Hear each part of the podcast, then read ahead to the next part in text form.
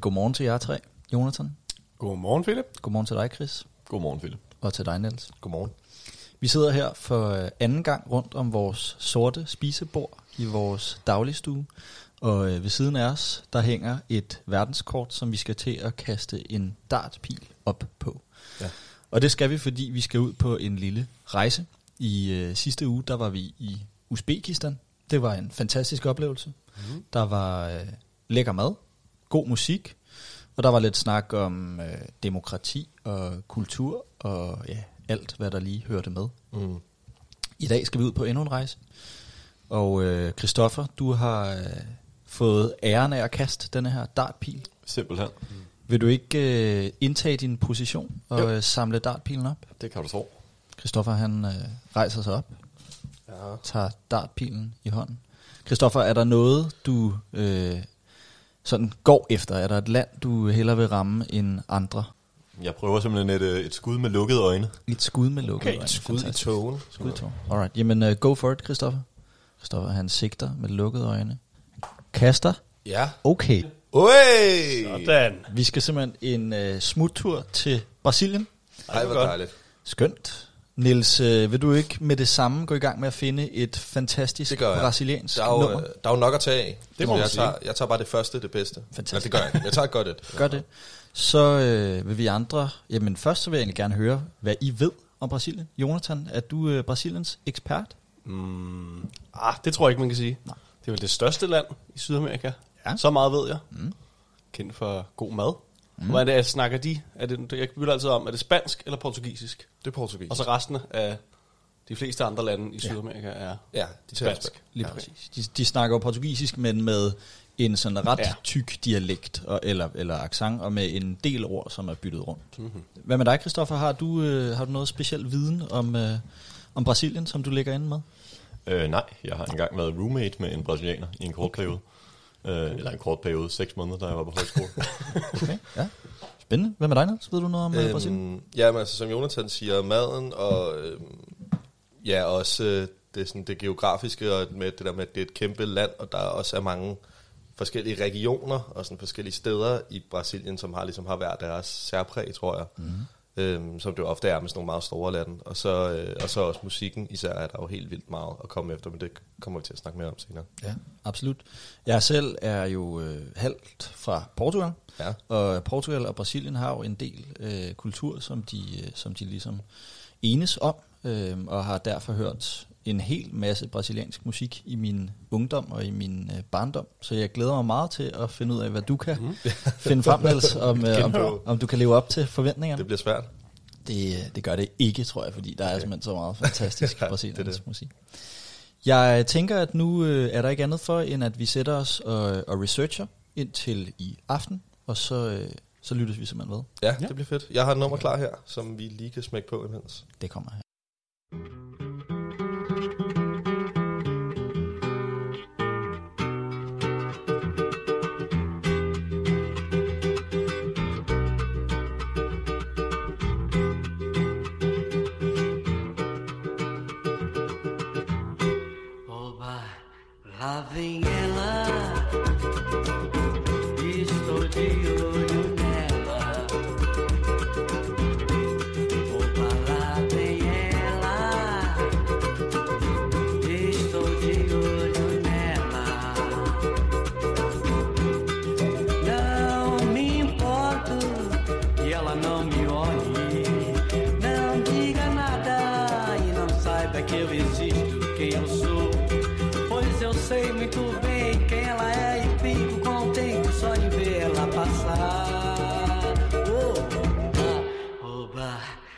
Vem ela.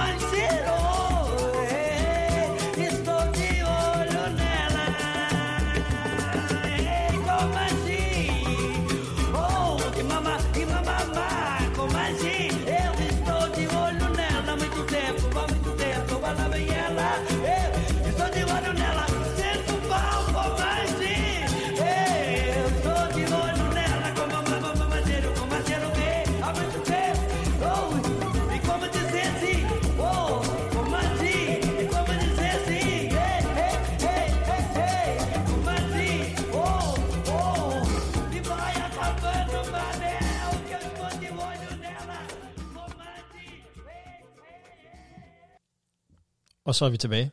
Så er vi tilbage. Hvilket fantastisk brasiliansk nummer, vi hørte der. Vi øh, har simpelthen brugt hele dagen. Det er 10 timer siden, vi sad her sidst ved mikrofonerne, og siden da er vi blevet Brasiliens eksperter. Næsten, i hvert fald. Næsten i hvert fald. Der er hen af. Du lytter til programmet Verdens Dart, og øh, det er et program, hvor vi øh, tager ud og rejser.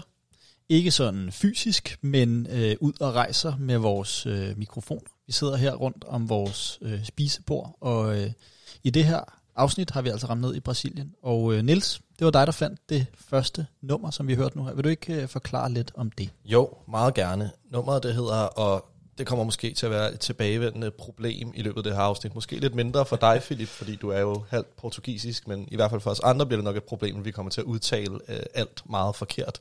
Så hvis man sidder derude og kan portugisisk eller brasiliansk, så må man bære over med os. Mm. Det her nummer, det hedder Oba La Vem Ea, mm. og øh, er af den brasilianske kunstner Jorge Benchor. Øhm, og han er en gammel gut efterhånden. Øh, han er født i 1942, og vi så ham jo faktisk på Roskilde Festival, spillet på Orange Scene for, er det to år siden? Ja. Eller var det sidste år? Det kan jeg ikke engang huske. Jeg mener, at det var sidste år. Det var sidste år. Det tror jeg. Det tror jeg, det var. Det skulle jeg selvfølgelig have tjekket op på, ja. men øh, vi så ham i hvert fald spille. Og øh, det, jeg kom til at tænke på med ham her, og i det hele taget med brasiliansk musik, fordi der er jo noget, øh, øh, noget meget, noget noget nærmest perverst ved, at vi kun har fire numre at spille i det her program, og mm. vi kun kommer til at berøre det meget kort, fordi at brasiliansk musik som begreb er jo kæmpestort og øh, indbefatter uendelig mange undergenre osv. Men noget, jeg kom til at tænke på med ham her, George Benchor, også da vi så ham, er, hvor stor en, øh, en personlighed han er, både på scenen og også generelt i Brasilien, er han altså en, en kæmpe stor stjerne mm. øh, på linje med de store øh, rockidoler, som vi har, som, som kommer tilbage fra, fra den samme tid, som han gør. Mm. Øhm, så den musik, vi kommer til at spille i løbet af programmet i dag, kommer lidt til at være... Øh, det kommer til at være en bestemt periode i brasiliansk musik, som er sådan cirka fra 50'erne til 70'erne, som jo også er der, hvor der stod, skete nogle store sådan, landvindinger i den vestlige musik, som hvor mange af de store stjerner, øhm, som vi kender nu, også øh, var fra. Og jeg synes bare, det er, et sjovt, det er et sjovt indblik, eller det er noget, man ofte ikke tænker på, når man kommer fra Danmark, eller har sådan en meget vesteuropæisk musikforståelse. At der altså er en, en helt anden verden også, hvor der er, øh, hvor det ikke er ABBA og Paul McCartney og mm. David Bowie, der er de stor, største stjerner, men det er nogen som ham her, og nogle af de andre, vi kommer til at berøre i løbet af, af, af programmet her. Det synes jeg bare er meget sjovt, og, øh, ja, og prøver at kan give bare et lille indblik i den øh, kæmpe store verden, der er øh, brasiliansk musik.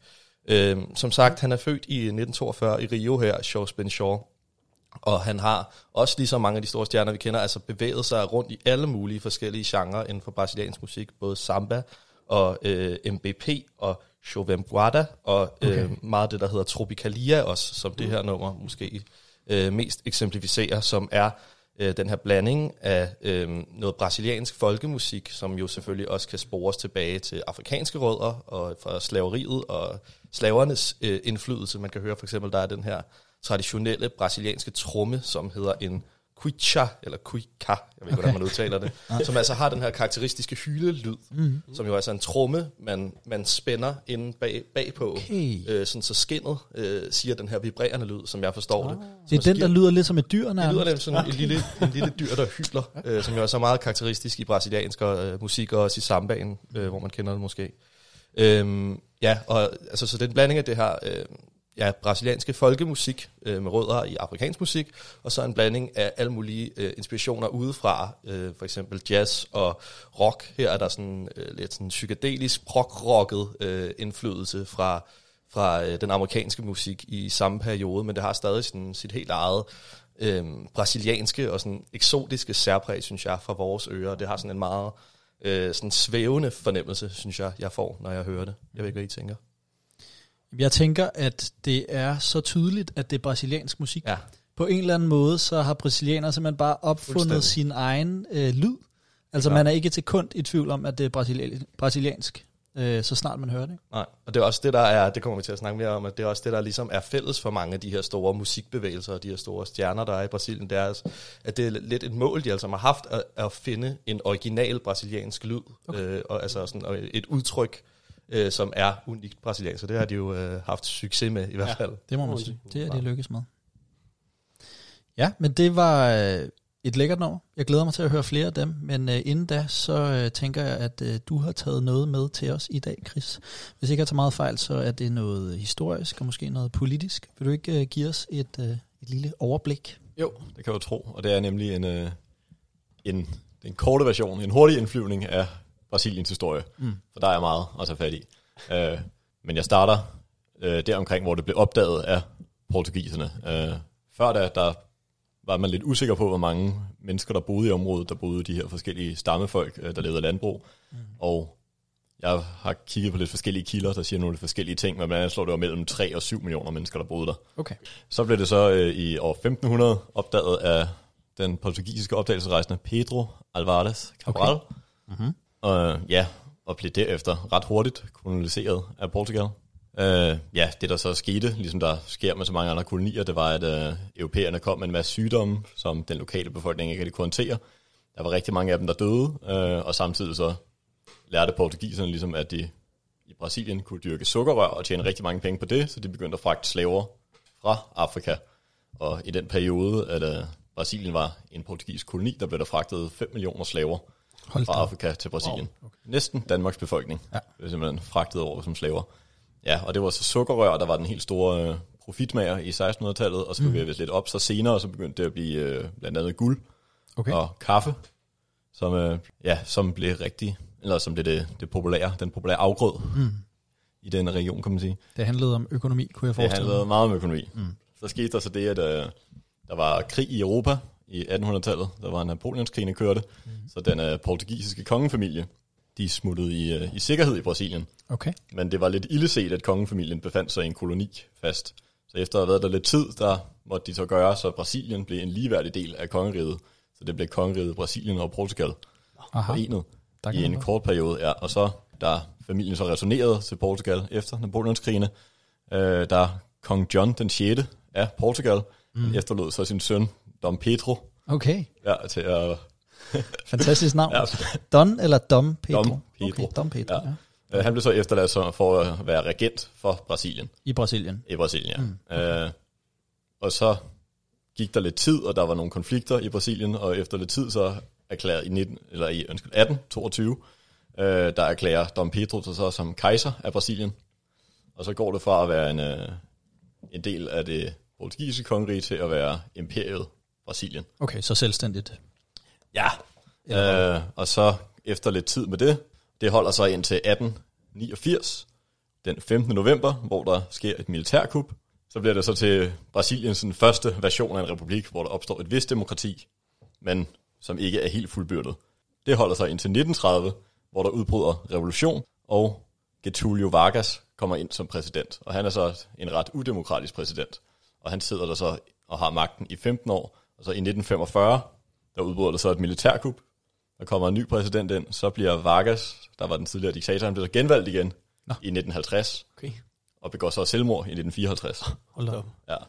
I 1964, der sker der så et militærkup igen. Øh, og her nedsætter militæret sådan en junta og har magten indtil øh, 1985 faktisk. Hvor det, der på grund af tilpas mange demonstrationer og protester i landet, kommer noget demokrati tilbage igen. Derfra har det, har det kørt som øh, demokratisk republik. Og ja, så nogle af de seneste præsidenter, der havde vi i... Så var der så nogle problemer her med den, den seneste den tidligere præsident øh, Dilma Rousseff, som var præsident indtil 2016, hvor hun så blev afsat ved en rigsretssag Okay. øh, for at fuske med de offentlige udgifter og indtægter. En kvindelig præsident, simpelthen. Ja, siger jeg. En, simpelthen Det forestiller mig er, er en sjældenhed i Brasilien. Hun var den øh, første og eneste, Okay. og blev så også, jeg ved ikke om man skal sige desværre, men øh, blev i hvert fald øh, afsat ved en rigsretssag. Okay. Og så, så vidt jeg har forstået det, det vækkede så også en masse sorg fra hos brasilianerne på grund af, at de har haft alle de her demokratiske problemer og sådan noget, så det var en meget stor sag dernede. Okay. Deres præsident blev også afsat, så det er selvfølgelig klart, det var en stor sag. Den nuværende præsident, han hedder Jair Bolson- Bolsonaro, mm-hmm. som jeg håber, jeg udtaler rigtigt. Det gør du sikkert Han er, ikke, han men, øh, er, er muligvis ikke, men han er i hvert fald et navn, man hører lidt om i nyhederne en gang imellem. Uh, han bliver lidt sammenlignet med Trump. Han, Ja, er, ja. Han kommer fra partiet, partiet uh, Alliance for Brazil, og uh, ja, er en meget nationalkonservativ, uh, har også rost Trump en del, uh, og blandt andet kommet lidt i vælten i mange vestlige medier i hvert fald, for at ville uh, blandt andet affrede Amazonas regnskov. Og, okay, hold op. Radikalt. Ja, og tog lidt let på øh, blandt andet coronakrisen, og har også okay. kommet med nogle, øh, tror ikke jeg fornærmer nogen, hvis jeg kommet med nogle, nogle lidt racistiske udtalelser Okay. til det tiden. Men øh, han sidder der så nu. Men så er vi jo egentlig nået frem til i dag. Jeg tænker, at måske vi kan tage en sang, inden vi hopper videre.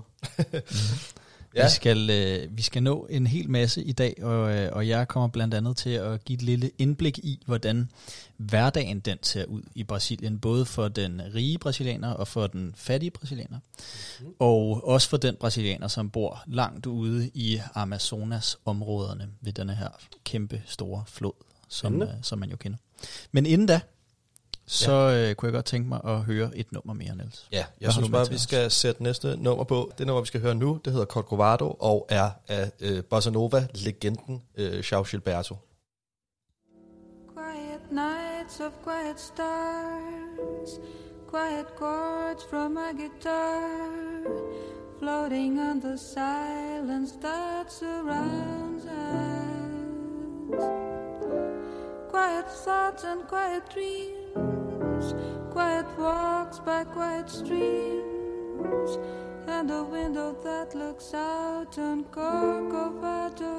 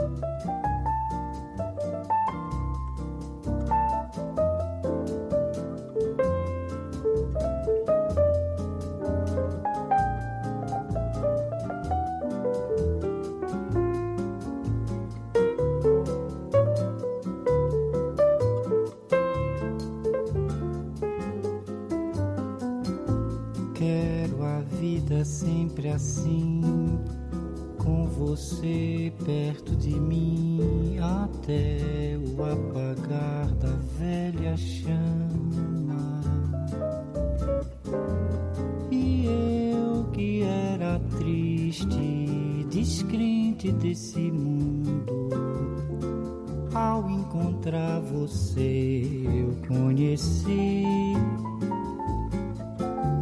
o que é felicidade, meu amor.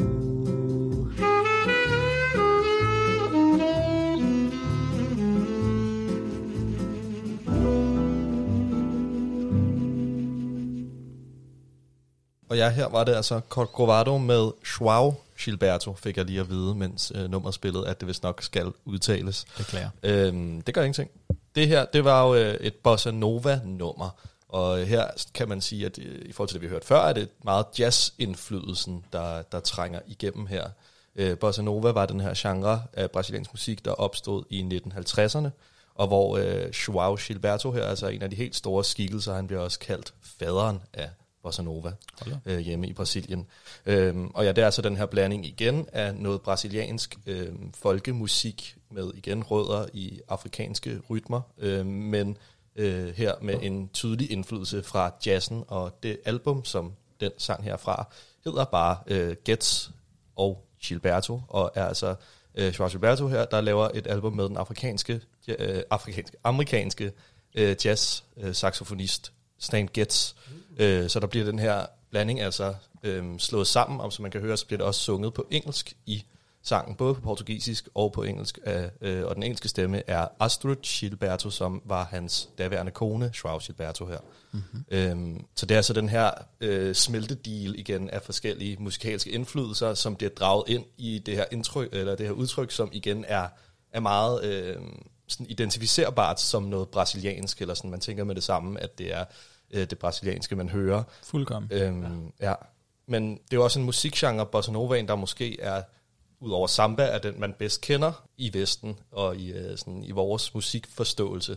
Øhm, det her album åbnede ligesom en helt ny dør op til, til øh, den brasilianske verden og den brasilianske musikverden, især i USA, hvor det blev indoptaget meget i jazzen også, og i, altså, øh, også den vej øh, influeret, kan man sige, omvendt. Og så er det jo blevet fortolket i alle mulige øh, forskellige varianter siden, og har lidt fået sådan et blakket ry, øh, eller det synes jeg i hvert fald, når, ikke når jeg hører det her, men når man hører mange sådan bossa nova afarter, der er kommet senere, mm. så har det lidt det her sådan baggrunds Ja, det er lidt øh, elevator. musikagtige mm. feel, ikke? Mm. Og det er på en eller anden måde misforstået, eller det er jo ikke det, de vil med det her, det er jo ikke meningen, at det er noget, man skal, man skal kaste hen, eller man skal man skal have i baggrunden, men det er jo virkelig noget, man skal, man skal lytte ind i og leve sig ind i, for det er jo den her, synes jeg i hvert fald, sådan meget varme og intense mm. verden egentlig, øh, der åbner sig. Øh, Sådan men- lidt sexet, ikke? På en jo, måde? på en eller anden måde. Men det er jo meget stille. Han bød på et meget sådan, øh, nyt brud med den sangstil også, der var øh, populær i Brasilien på det her tidspunkt, hvor det var meget store følelser og mm. øh, store stemmer, og som man kender måske fra den øh, portugisiske øh, fado-musik. Mm-hmm. Øh, hvor ham her, Joao Gilberto, han jo nærmest visker ind i mikrofonen. Han udtaler nærmest ikke ordene, og sidder bare og visker lige så stille, mm. og sidder og plemmer på sin guitar samtidig. Så det er virkelig sådan et, et intimt, stille rum, man skal ind i, men, men dermed ikke sagt, at det jo er, at det er noget, der, der bare skal stå i baggrunden. Og ja, jeg synes, det er super lækkert. Enig, det er simpelthen så skønt. Ja. Og øh, til så der noget skønt, skønt musik. Der sidder vi her øh, rundt om spisebordet med en skøn, skøn drink, som øh, Jonathan har lavet. Vi har også fået øh, lækker brasiliansk mad, og det kommer vi til at snakke om senere i programmet. Men først, Jonathan, vil du så ikke introducere, hvad det er for noget, vi drikker? Hvis man hører, hører lidt af sådan nogle lyde her i løbet af udsendelsen, så er det simpelthen fordi, at jeg, før vi gik i gang med at optage, har været en tur i sprutskabet og finde mm. vores nyindkøbte cachasse frem, som er den her romlignende alkohol, øhm, som man må anse for at være Brasiliens national spiritus, kan man sige. Mm. Øhm, for når man siger Brasilien, så kan man næsten ikke undgå at så sige caipirinha Nej, det kan man sgu ikke. som er Brasiliens national cocktail. Mm. Det er jo landets undertitel, hvis man forestiller er sig, sådan, at de lige havde et slogan, så kunne det godt bare være det. Og jeg har lavet en drink til os hver, øh, som består af den her cachasse øh, og en rørsukkersirup, også meget brasiliansk, Mm. masser af lime og limesaft, rørsukker og en masse is. Så den, er, den minder lidt om øh, den lidt mere kendte, tror jeg, Morito, i hvert fald i Europa. Mm. Øhm, men der er ikke på den måde noget sodavand eller opblanding i. Det er simpelthen øh, sirup, sprut og lime og is. Og det smager simpelthen herligt. Ja, det er, jeg tror faktisk, jeg vil sige, det er en af mine yndlingscocktails mm. overhovedet. Det er ikke så tit, man får den mm. øh, herhjemme, men det, jeg synes virkelig, den er god. Ja. Er. Og især på sådan en sommerdag som i dag. Det er nemlig sådan en sommersmag, ikke? Ja. Den der lime, der er helt frisk og øh, iskold og sådan. Det... Nå, men nu, øh, nu skal vi videre til, øh, til det næste. Og øh, det er en, vi skal møde en person, som garanteret også drikker øh, mange caipirinhas. Eller vi skal møde en type person. Øh, fordi vi er nået til det her lille indslag, som, øh, som vi kalder for hverdagen i Brasilien. Og øh, vi starter hos denne her person, som, øh, som er velhavende. Og øh, I skal forestille jer, at øh, det er blevet fyreaften, og I øh, kommer kørende i jeres kæmpe, store luksus Land Rover Jeep. I kører op af jeres indkørsel, som ligger i det her klassiske, smukke, smukke, beskyttede boligområde. Ja, I ankommer i Jeepen, slukker motoren og hopper ud af Jeepen. Så smækker I døren og vandrer op mod det her slot af en bolig, som jeg har. Kæmpe stort. Masser af værelser, balkonger, tagterrasser, alt hvad man har brug for. Så åbner I døren og er endelig hjemme efter en lang arbejdsdag. Går målrettet mod yndlingsværelset, hvor man ved, man kan sidde og slappe af. Og så glider man denne her skydedør op, og så åbner byen sig for øjnene af dig. Hele Rio de Janeiro. Copacabana på den ene side. Cristo Redentor, som er den her Kristus-statue, som man kender. Favelaen og hele byen. Fra det værelse, der øh, kan man sidde der på sin balkon og øh, nyde brasiliansk dyrket og produceret kaffe og måske en kubansk cigar. Og det er altså sådan her noget af denne her brasilianske overklasse lever. Men hvem er de her øh, overklasse mennesker? Det er 10% af brasilianerne, og personerne tjener over 41.000 brasilianske reais, som jeg tror det hedder. Og det svarer til omkring 52.000 danske kroner. Det er altså ret meget i Brasilien, skulle jeg hilse at sige. Øhm, fordi hvis man ser det øh, imod middelklassens indkomst, så tjener de 600 reis, som altså svarer til 770 kroner om måneden. Det er altså gennemsnittet for middelklassen. Øhm, så det siger noget om, at øh, de her mennesker, de altså har en, en meget, meget høj indkomst. Men hvad laver de? De øh, arbejder måske på et kontor, måske har de deres egne virksomheder, måske har de en øh, stor villa med udsigt over hele Rio de Janeiro, præcis som øh, denne her person, vi har mødt nu her. De spiser lækker mad, og fra altanen kan de kigge ud over hele byen, inklusiv denne her favela, som vi, øh, som vi også kommer til at dykke ned i. Måske så øh, går denne her type på øh, fancy, fancy klubber nede omkring Copacabana, som er den her verdensberømte strand. Og øh, måske nyder vedkommende en iskold caipirinha, som vi også sidder med her. Måske tager vedkommende til, øh, til karneval, som vi også alle sammen kender fra øh, Brasilien. Og det kan da også være, at øh, personen er en af de her 1% af Brasiliens aller, aller rigeste. Og den ene procent ejer 28 procent af alle Brasiliens værdier. Så øh, formuerne er altså virkelig centreret om enkelte personer. Og det gør også, at der er en meget stor øh, forskel imellem rig og fattig i Brasilien. Men hvem er så de fattige? Hvem er dem, der er i favelaerne? Hvad er det for nogle mennesker?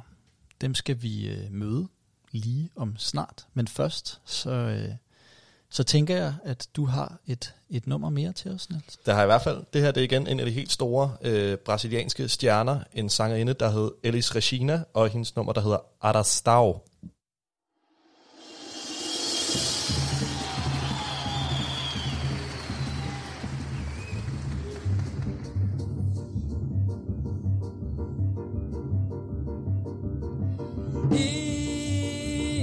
jangada no mar.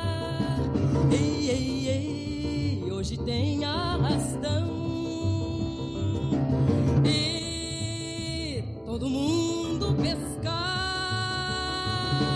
Chega de sombra e João.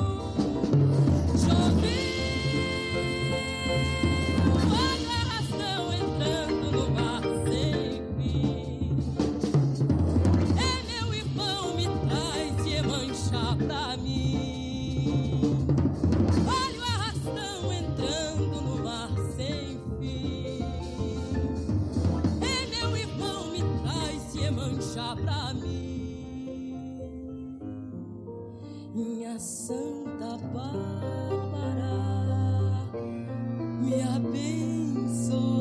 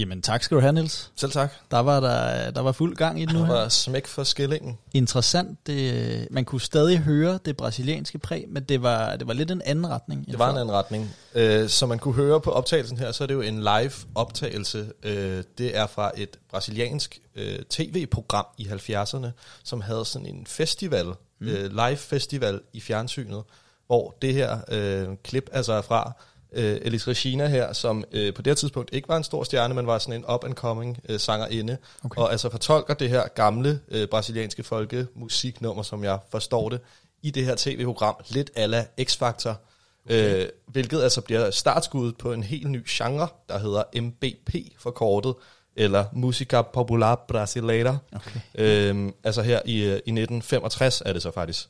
Øhm, ja, øh, og det er også bare igen et billede på det her med, at at øh, ligesom vi har alle mulige øh, store øh, nedslag i vores musikhistorie med Live Aid og øh, andre store koncerter, så det her er altså sådan et, et nulpunkt for en helt genre i, i brasiliansk musik, øh, der starter her. Øhm, igen er der også den her blanding af noget traditionelt øh, brasiliansk musik og udlandske indflydelser. Øh, her er det sådan mere storslået øh, pop-crooner-agtigt, øh, kan man høre. Det bliver altså startskud på den her genre, øh, som generelt set er en sådan lidt mere politisk øh, afgren faktisk af den øh, brasilianske musik efter bossa novaen. Det er, der er ofte sådan politiske tekster om øh, undertrykkelse og om øh, politisk korruption og sådan noget, som bliver lidt skjult i nogle poppede tekster, men som, som det ikke tager ret lang tid at grave frem, og det, blev, det var derfor også lidt kontroversielt, mange af de sanger, øh, sange, der var inden for MBP her. Det er som, øh, som regel så var genren her også meget centreret omkring øh, et sådan intellektuelt universitetsmiljø meget i storbyerne og meget i Rio de Janeiro, hvor øh, Elis Regina her også øh, gjorde sin folder, øh, også meget sammen faktisk med både Joao Gilberto og George Benchor, som vi hørte øh, før, så det er også meget sådan den samme, de samme mennesker, mm. øh, og nogle af de samme bevægelser, der lidt glider ind og ud af hinanden. Men jeg synes bare, det er meget, igen er det meget sjovt, det der med, at man kan trække en parallel øh, til de her store begivenheder, som vi ikke rigtig kender til, men som har haft enormt stor betydning i Brasilien. Man kan lidt også sammenligne det her, øh, hele den her bevægelse med, med, sådan med 68 øh, og ungdomsoprøret generelt i, i, øh, i Vesten. Mm-hmm. Og øh, da Elis Regina, hun døde igen, også en sådan fortælling, vi kender fra vores egen øh, musikhistorie. Hun døde i en alder af nogle af 30 af en kokain-overdosis, øh, hvilket var sådan et kæmpe folketab, og der var flere hundredtusind, der samlede til hendes begravelse osv. Igen minder det jo om, om øh, Jimi Hendrix og Janis Joplin og alt det andet, der foregik samtidig i vores del af verden. Så det synes jeg var en meget sjov parallel. Ja, interessant. Øhm, lækker, lækker nummer, endnu et. Altså, Endnu et af slagsen. Øh, det kan Øhm, virkelig noget, det brasilianske Det musik. kan rigtig, rigtig meget. Og øh, noget, der også kan rigtig meget i brasiliansk henseende, det er maden, Jonathan. Vi har jo fået en skøn menu endnu en gang, øh, ud over vores caipirinha her, som vi sidder og slubrer i os. Kan du ikke snakke lidt om maden? Det kan du tro. For det brasilianske køkken har jo ligesom så mange andre dele af den brasilianske kultur, rødder tilbage til både det originale mellem- og sydamerikanske folk, til Europa, til Afrika og faktisk også til Asien, hvor japanske immigranter har bragt mad med, og gennem nyere tid har påvirket det brasilianske køkken. Mm. Øh, der er tysk indflydelse, og selvfølgelig også især portugisisk. Mm. Øhm, vi har været inde på, hvor stort et land Brasilien er, og derfor varierer madtraditionerne også meget fra region til region. Det er klart. Og man kan ikke øhm, på samme måde tale om et, sådan et nationalt brasiliansk køkken. Okay. Øhm, de regionale køkkener har i høj grad været præget af historie og den natur, der nu er øh, i regionerne. I de nordlige områder, hvor der er jungle og floder, har en stor, som har fyldt en stor del af hverdagen, der har fisk mm. fyldt meget. Mm. Øhm, og blandt andet også den her cassava-rod Mm. øh, er central. Som vi jo kender, Den, fordi... øh, den kommer jeg tilbage til senere. Ja. Det kan nemlig være en, en farlig satan. Mm. Og der er selvfølgelig fællestræk mellem regionerne.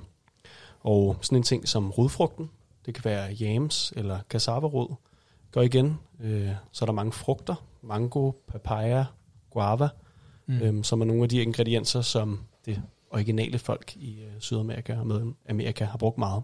Så fylder okse og svin utrolig meget i det sydlige Brasilien. Mm-hmm. Øhm, det ser også her den brasilianske barbecue churrasco Ja. herfra. Yes. Det er, noget, det er nemlig noget grill, ja. Ja, det er noget grill. Mm-hmm. Der er også en del tysk øh, indflydelse der. Der bliver spist nogle pølser og sådan noget. Mm-hmm. Generelt er brasiliansk mad, det er sådan meget med carbs, kulhydrater Mm. og lad os sige fedtet. Stor- Meget mad bliver frityrestegt, Mm. øh, og der er generelt meget olie, Meget kød også, ikke? meget kød. Mm. Og Nils og jeg har jo lavet lidt mad til os i aften. Mm-hmm. Og hvis man skal lave brasiliansk mad, så desværre ikke er, det, desværre er ikke at finde lækre retter, for der er virkelig meget lækker mad Mm. at vælge imellem. Mm. Øh, desværre at beslutte sig. Ja. Og vi har valgt tre styks. Øh, to forretter, hvor det første var en bønnesalsa, som mm. på mange måder, måder ligner en klassisk tomatsalsa, øh, men altså med bønner i stedet for tomat. Og så med mere syre. Bønnerne har stået og trukket i olivenolie, rødvinsedike, koriander, hvidløg, salt og peber i en times tid. Mm-hmm. Øhm, og bliver så serveret med tortilla chips. Øhm, bønnen er også en sådan fuldstændig essentiel del i hele Brasilien, hvor den bliver brugt i et utal af retter. Mm. Jeg tænker meget på os øh, på deres nationalradio, som også er, er, er værd at nævne, der hedder Fishwada, præcis. som er den her kæmpe store gryde med en masse forskelligt svinekød, og så bare en helvedes masse bønner også, Mm. øh, som vi så ikke kunne lave, fordi at du ikke spiser grisekød, ja. Jonathan, men som Desværre. også er, er, er virkelig god. Og til at ledsage den her bønnesalsa, Mm. der har vi lavet en tun ceviche, hvor vi har marineret, ligesom tilberedt tunen i limesaft, øhm, som, som giver fisken farve, ligesom Mhm. hvis man varmer den op eller tilbereder den øhm, traditionelt. Øhm, det bliver blandet med løg og chili og koriander, salt og peber og en glimrende forret. Absolut. Jeg tænker, hvis der sidder nogen derude og, øh, og kan mærke, at mundvandet begynder at løbe, så, øh, så må de skrive til loud, så, øh, så sender vi nogle, Så sender øh, vi nogle, opskriften. nogle Det gør vi opskrifter. gerne. Det er smart. meget gerne. Ja, og til hovedret, der har vi fået en specialitet fra den nordlige del af Brasilien. Mm-hmm. som er en afart af en escondidinho de carne seca, nemlig en escondidinho de frango. Mm-hmm. Lidt i stil med en shepherd's pie med kylling. Frango, det betyder kylling, og escondidinho, det betyder noget med at gemme sig.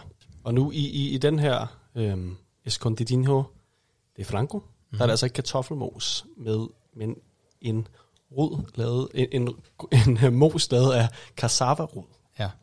øh, som jeg talte om tidligere. Og Og den er nemlig lidt farlig, Den er tricky.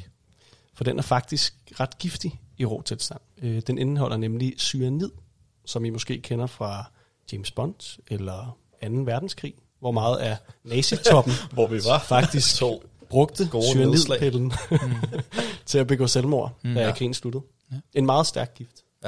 Vi, Øhm. det skal, vi skal skynde os at sige, at vi jo så valgte at tilberede den i, Ja, ja, det- ja. ja. i dagens anledning. Ikke? Den er heldigvis ikke så forfærdelig giftig. Der er ikke så meget i roden, Nej. øhm, og det forsvinder, når man koger den. Mm. Ja. Det kan man let komme over.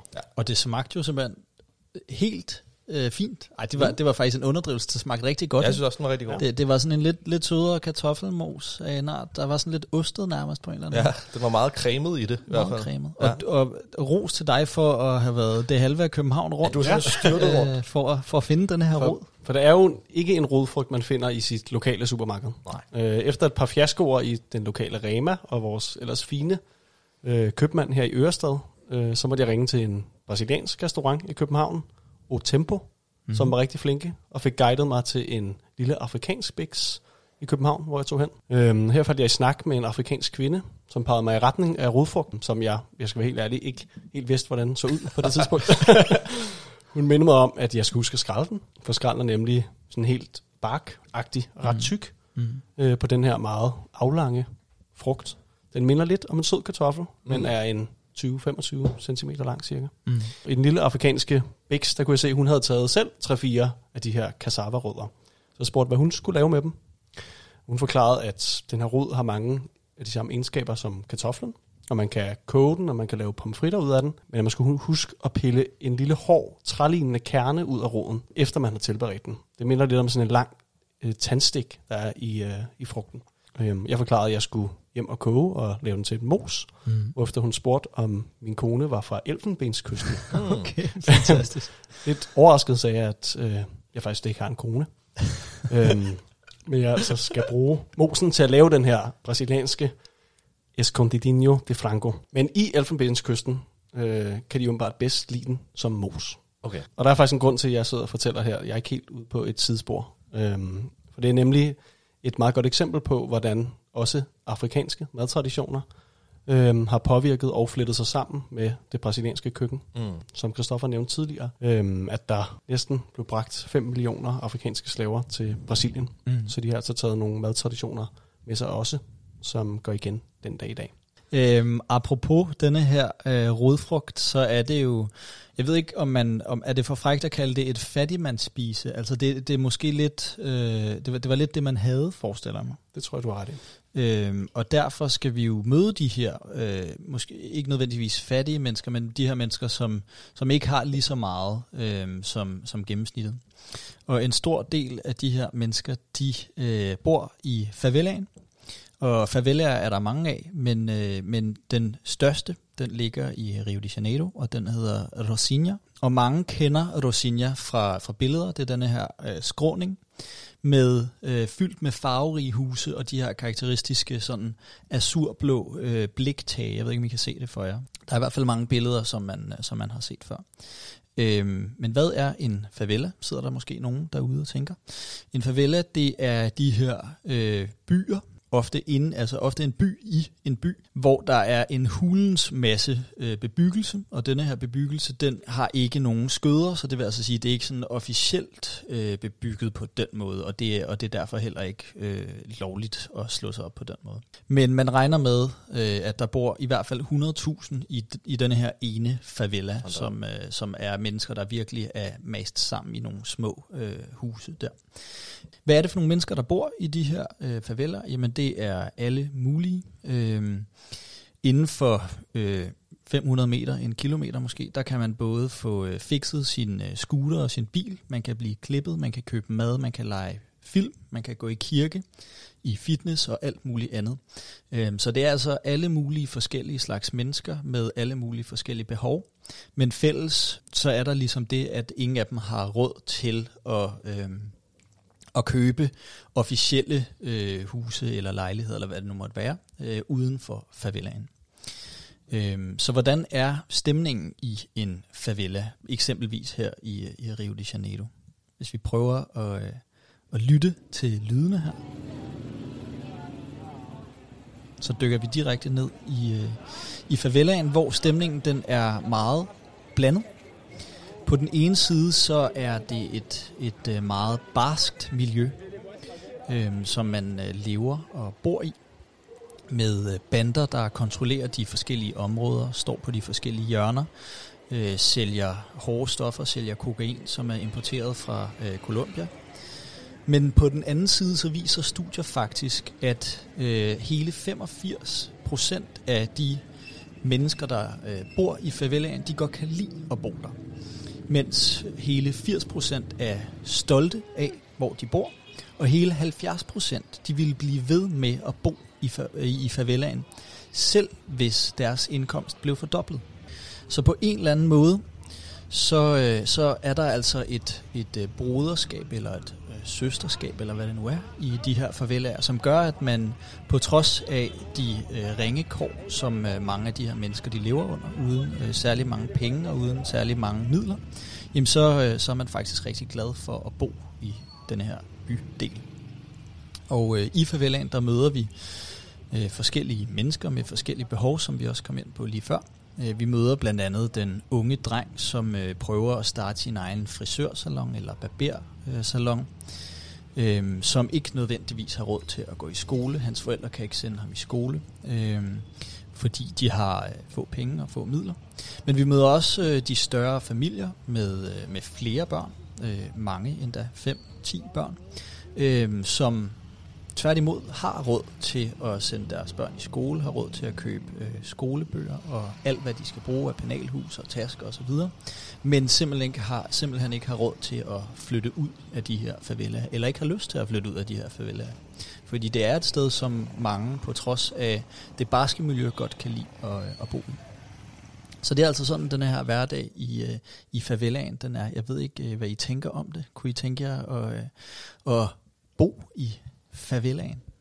Jeg tror ikke, jeg kunne tænke mig at bo der, nej. Øh, jeg tænker straks på øh, den brasilianske film, der hedder City of God, oh, ja. som handler om, om øh, som er baseret på rigtige hændelser omkring, mm. det er sådan en gangsterfilm mm. om øh, forskellige gangsterbander i favelaen, øh, som jo virkelig tegner et grumt, grumt, øh, meget, meget voldsomt, øh, forfærdeligt billede af livet i favelaen. Ja. Og det her med, at de fra helt spædbørn ligesom er en del af ja, af den her sindssyge øh, voldskultur, der er, hvor man bare, altså, hvor man bare dræber hinanden uden at, at blinke. Mm. Øh, så det er meget det, jeg forbinder det med. Øh, og som du siger, det her med, øh, at der ligesom er sit helt eget parallelt samfund og sit eget øh, sådan æreskodex. Øh, så det, Fuldkommen. det er også sådan meget sådan en ghetto-fornemmelse, Ja. øh, man får. Øh, men der er jo også, ja, som du siger, der er også noget, der på en eller anden måde, der er også noget, noget smukt over det sammenhold, man, man, selvfølgelig, man selvfølgelig kan have også.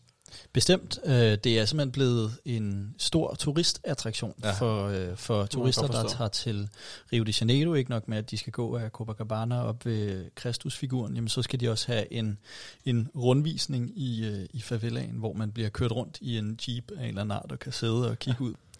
Niels, jeg tænker, vi kan nå et, øh, et sidste nummer, Ja. og øh, så samler vi, øh, samler vi det op bagefter. Jeg kunne godt tænke mig at høre, øh, om I skal til Brasilien en dag. Jeg sidder selv med en lille følelse af, at øh, det kunne sgu da være meget lækkert.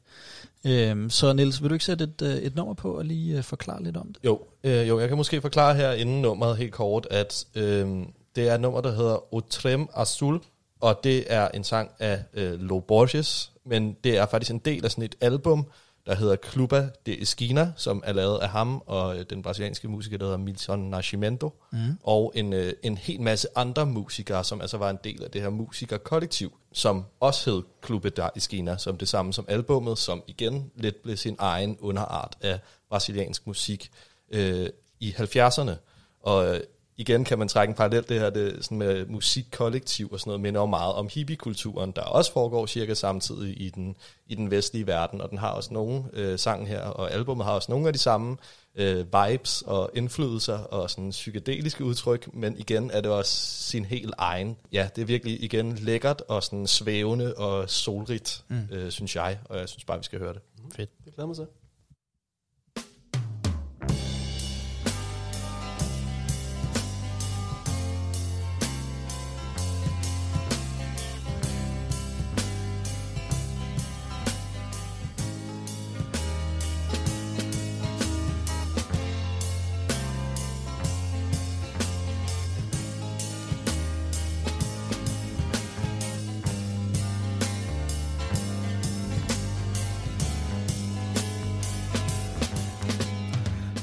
Coisas que a gente se esquece de dizer. Frases que o vento vem às vezes me lembrar. Coisas que ficaram muito tempo por dizer. Na canção do vento não se cansam de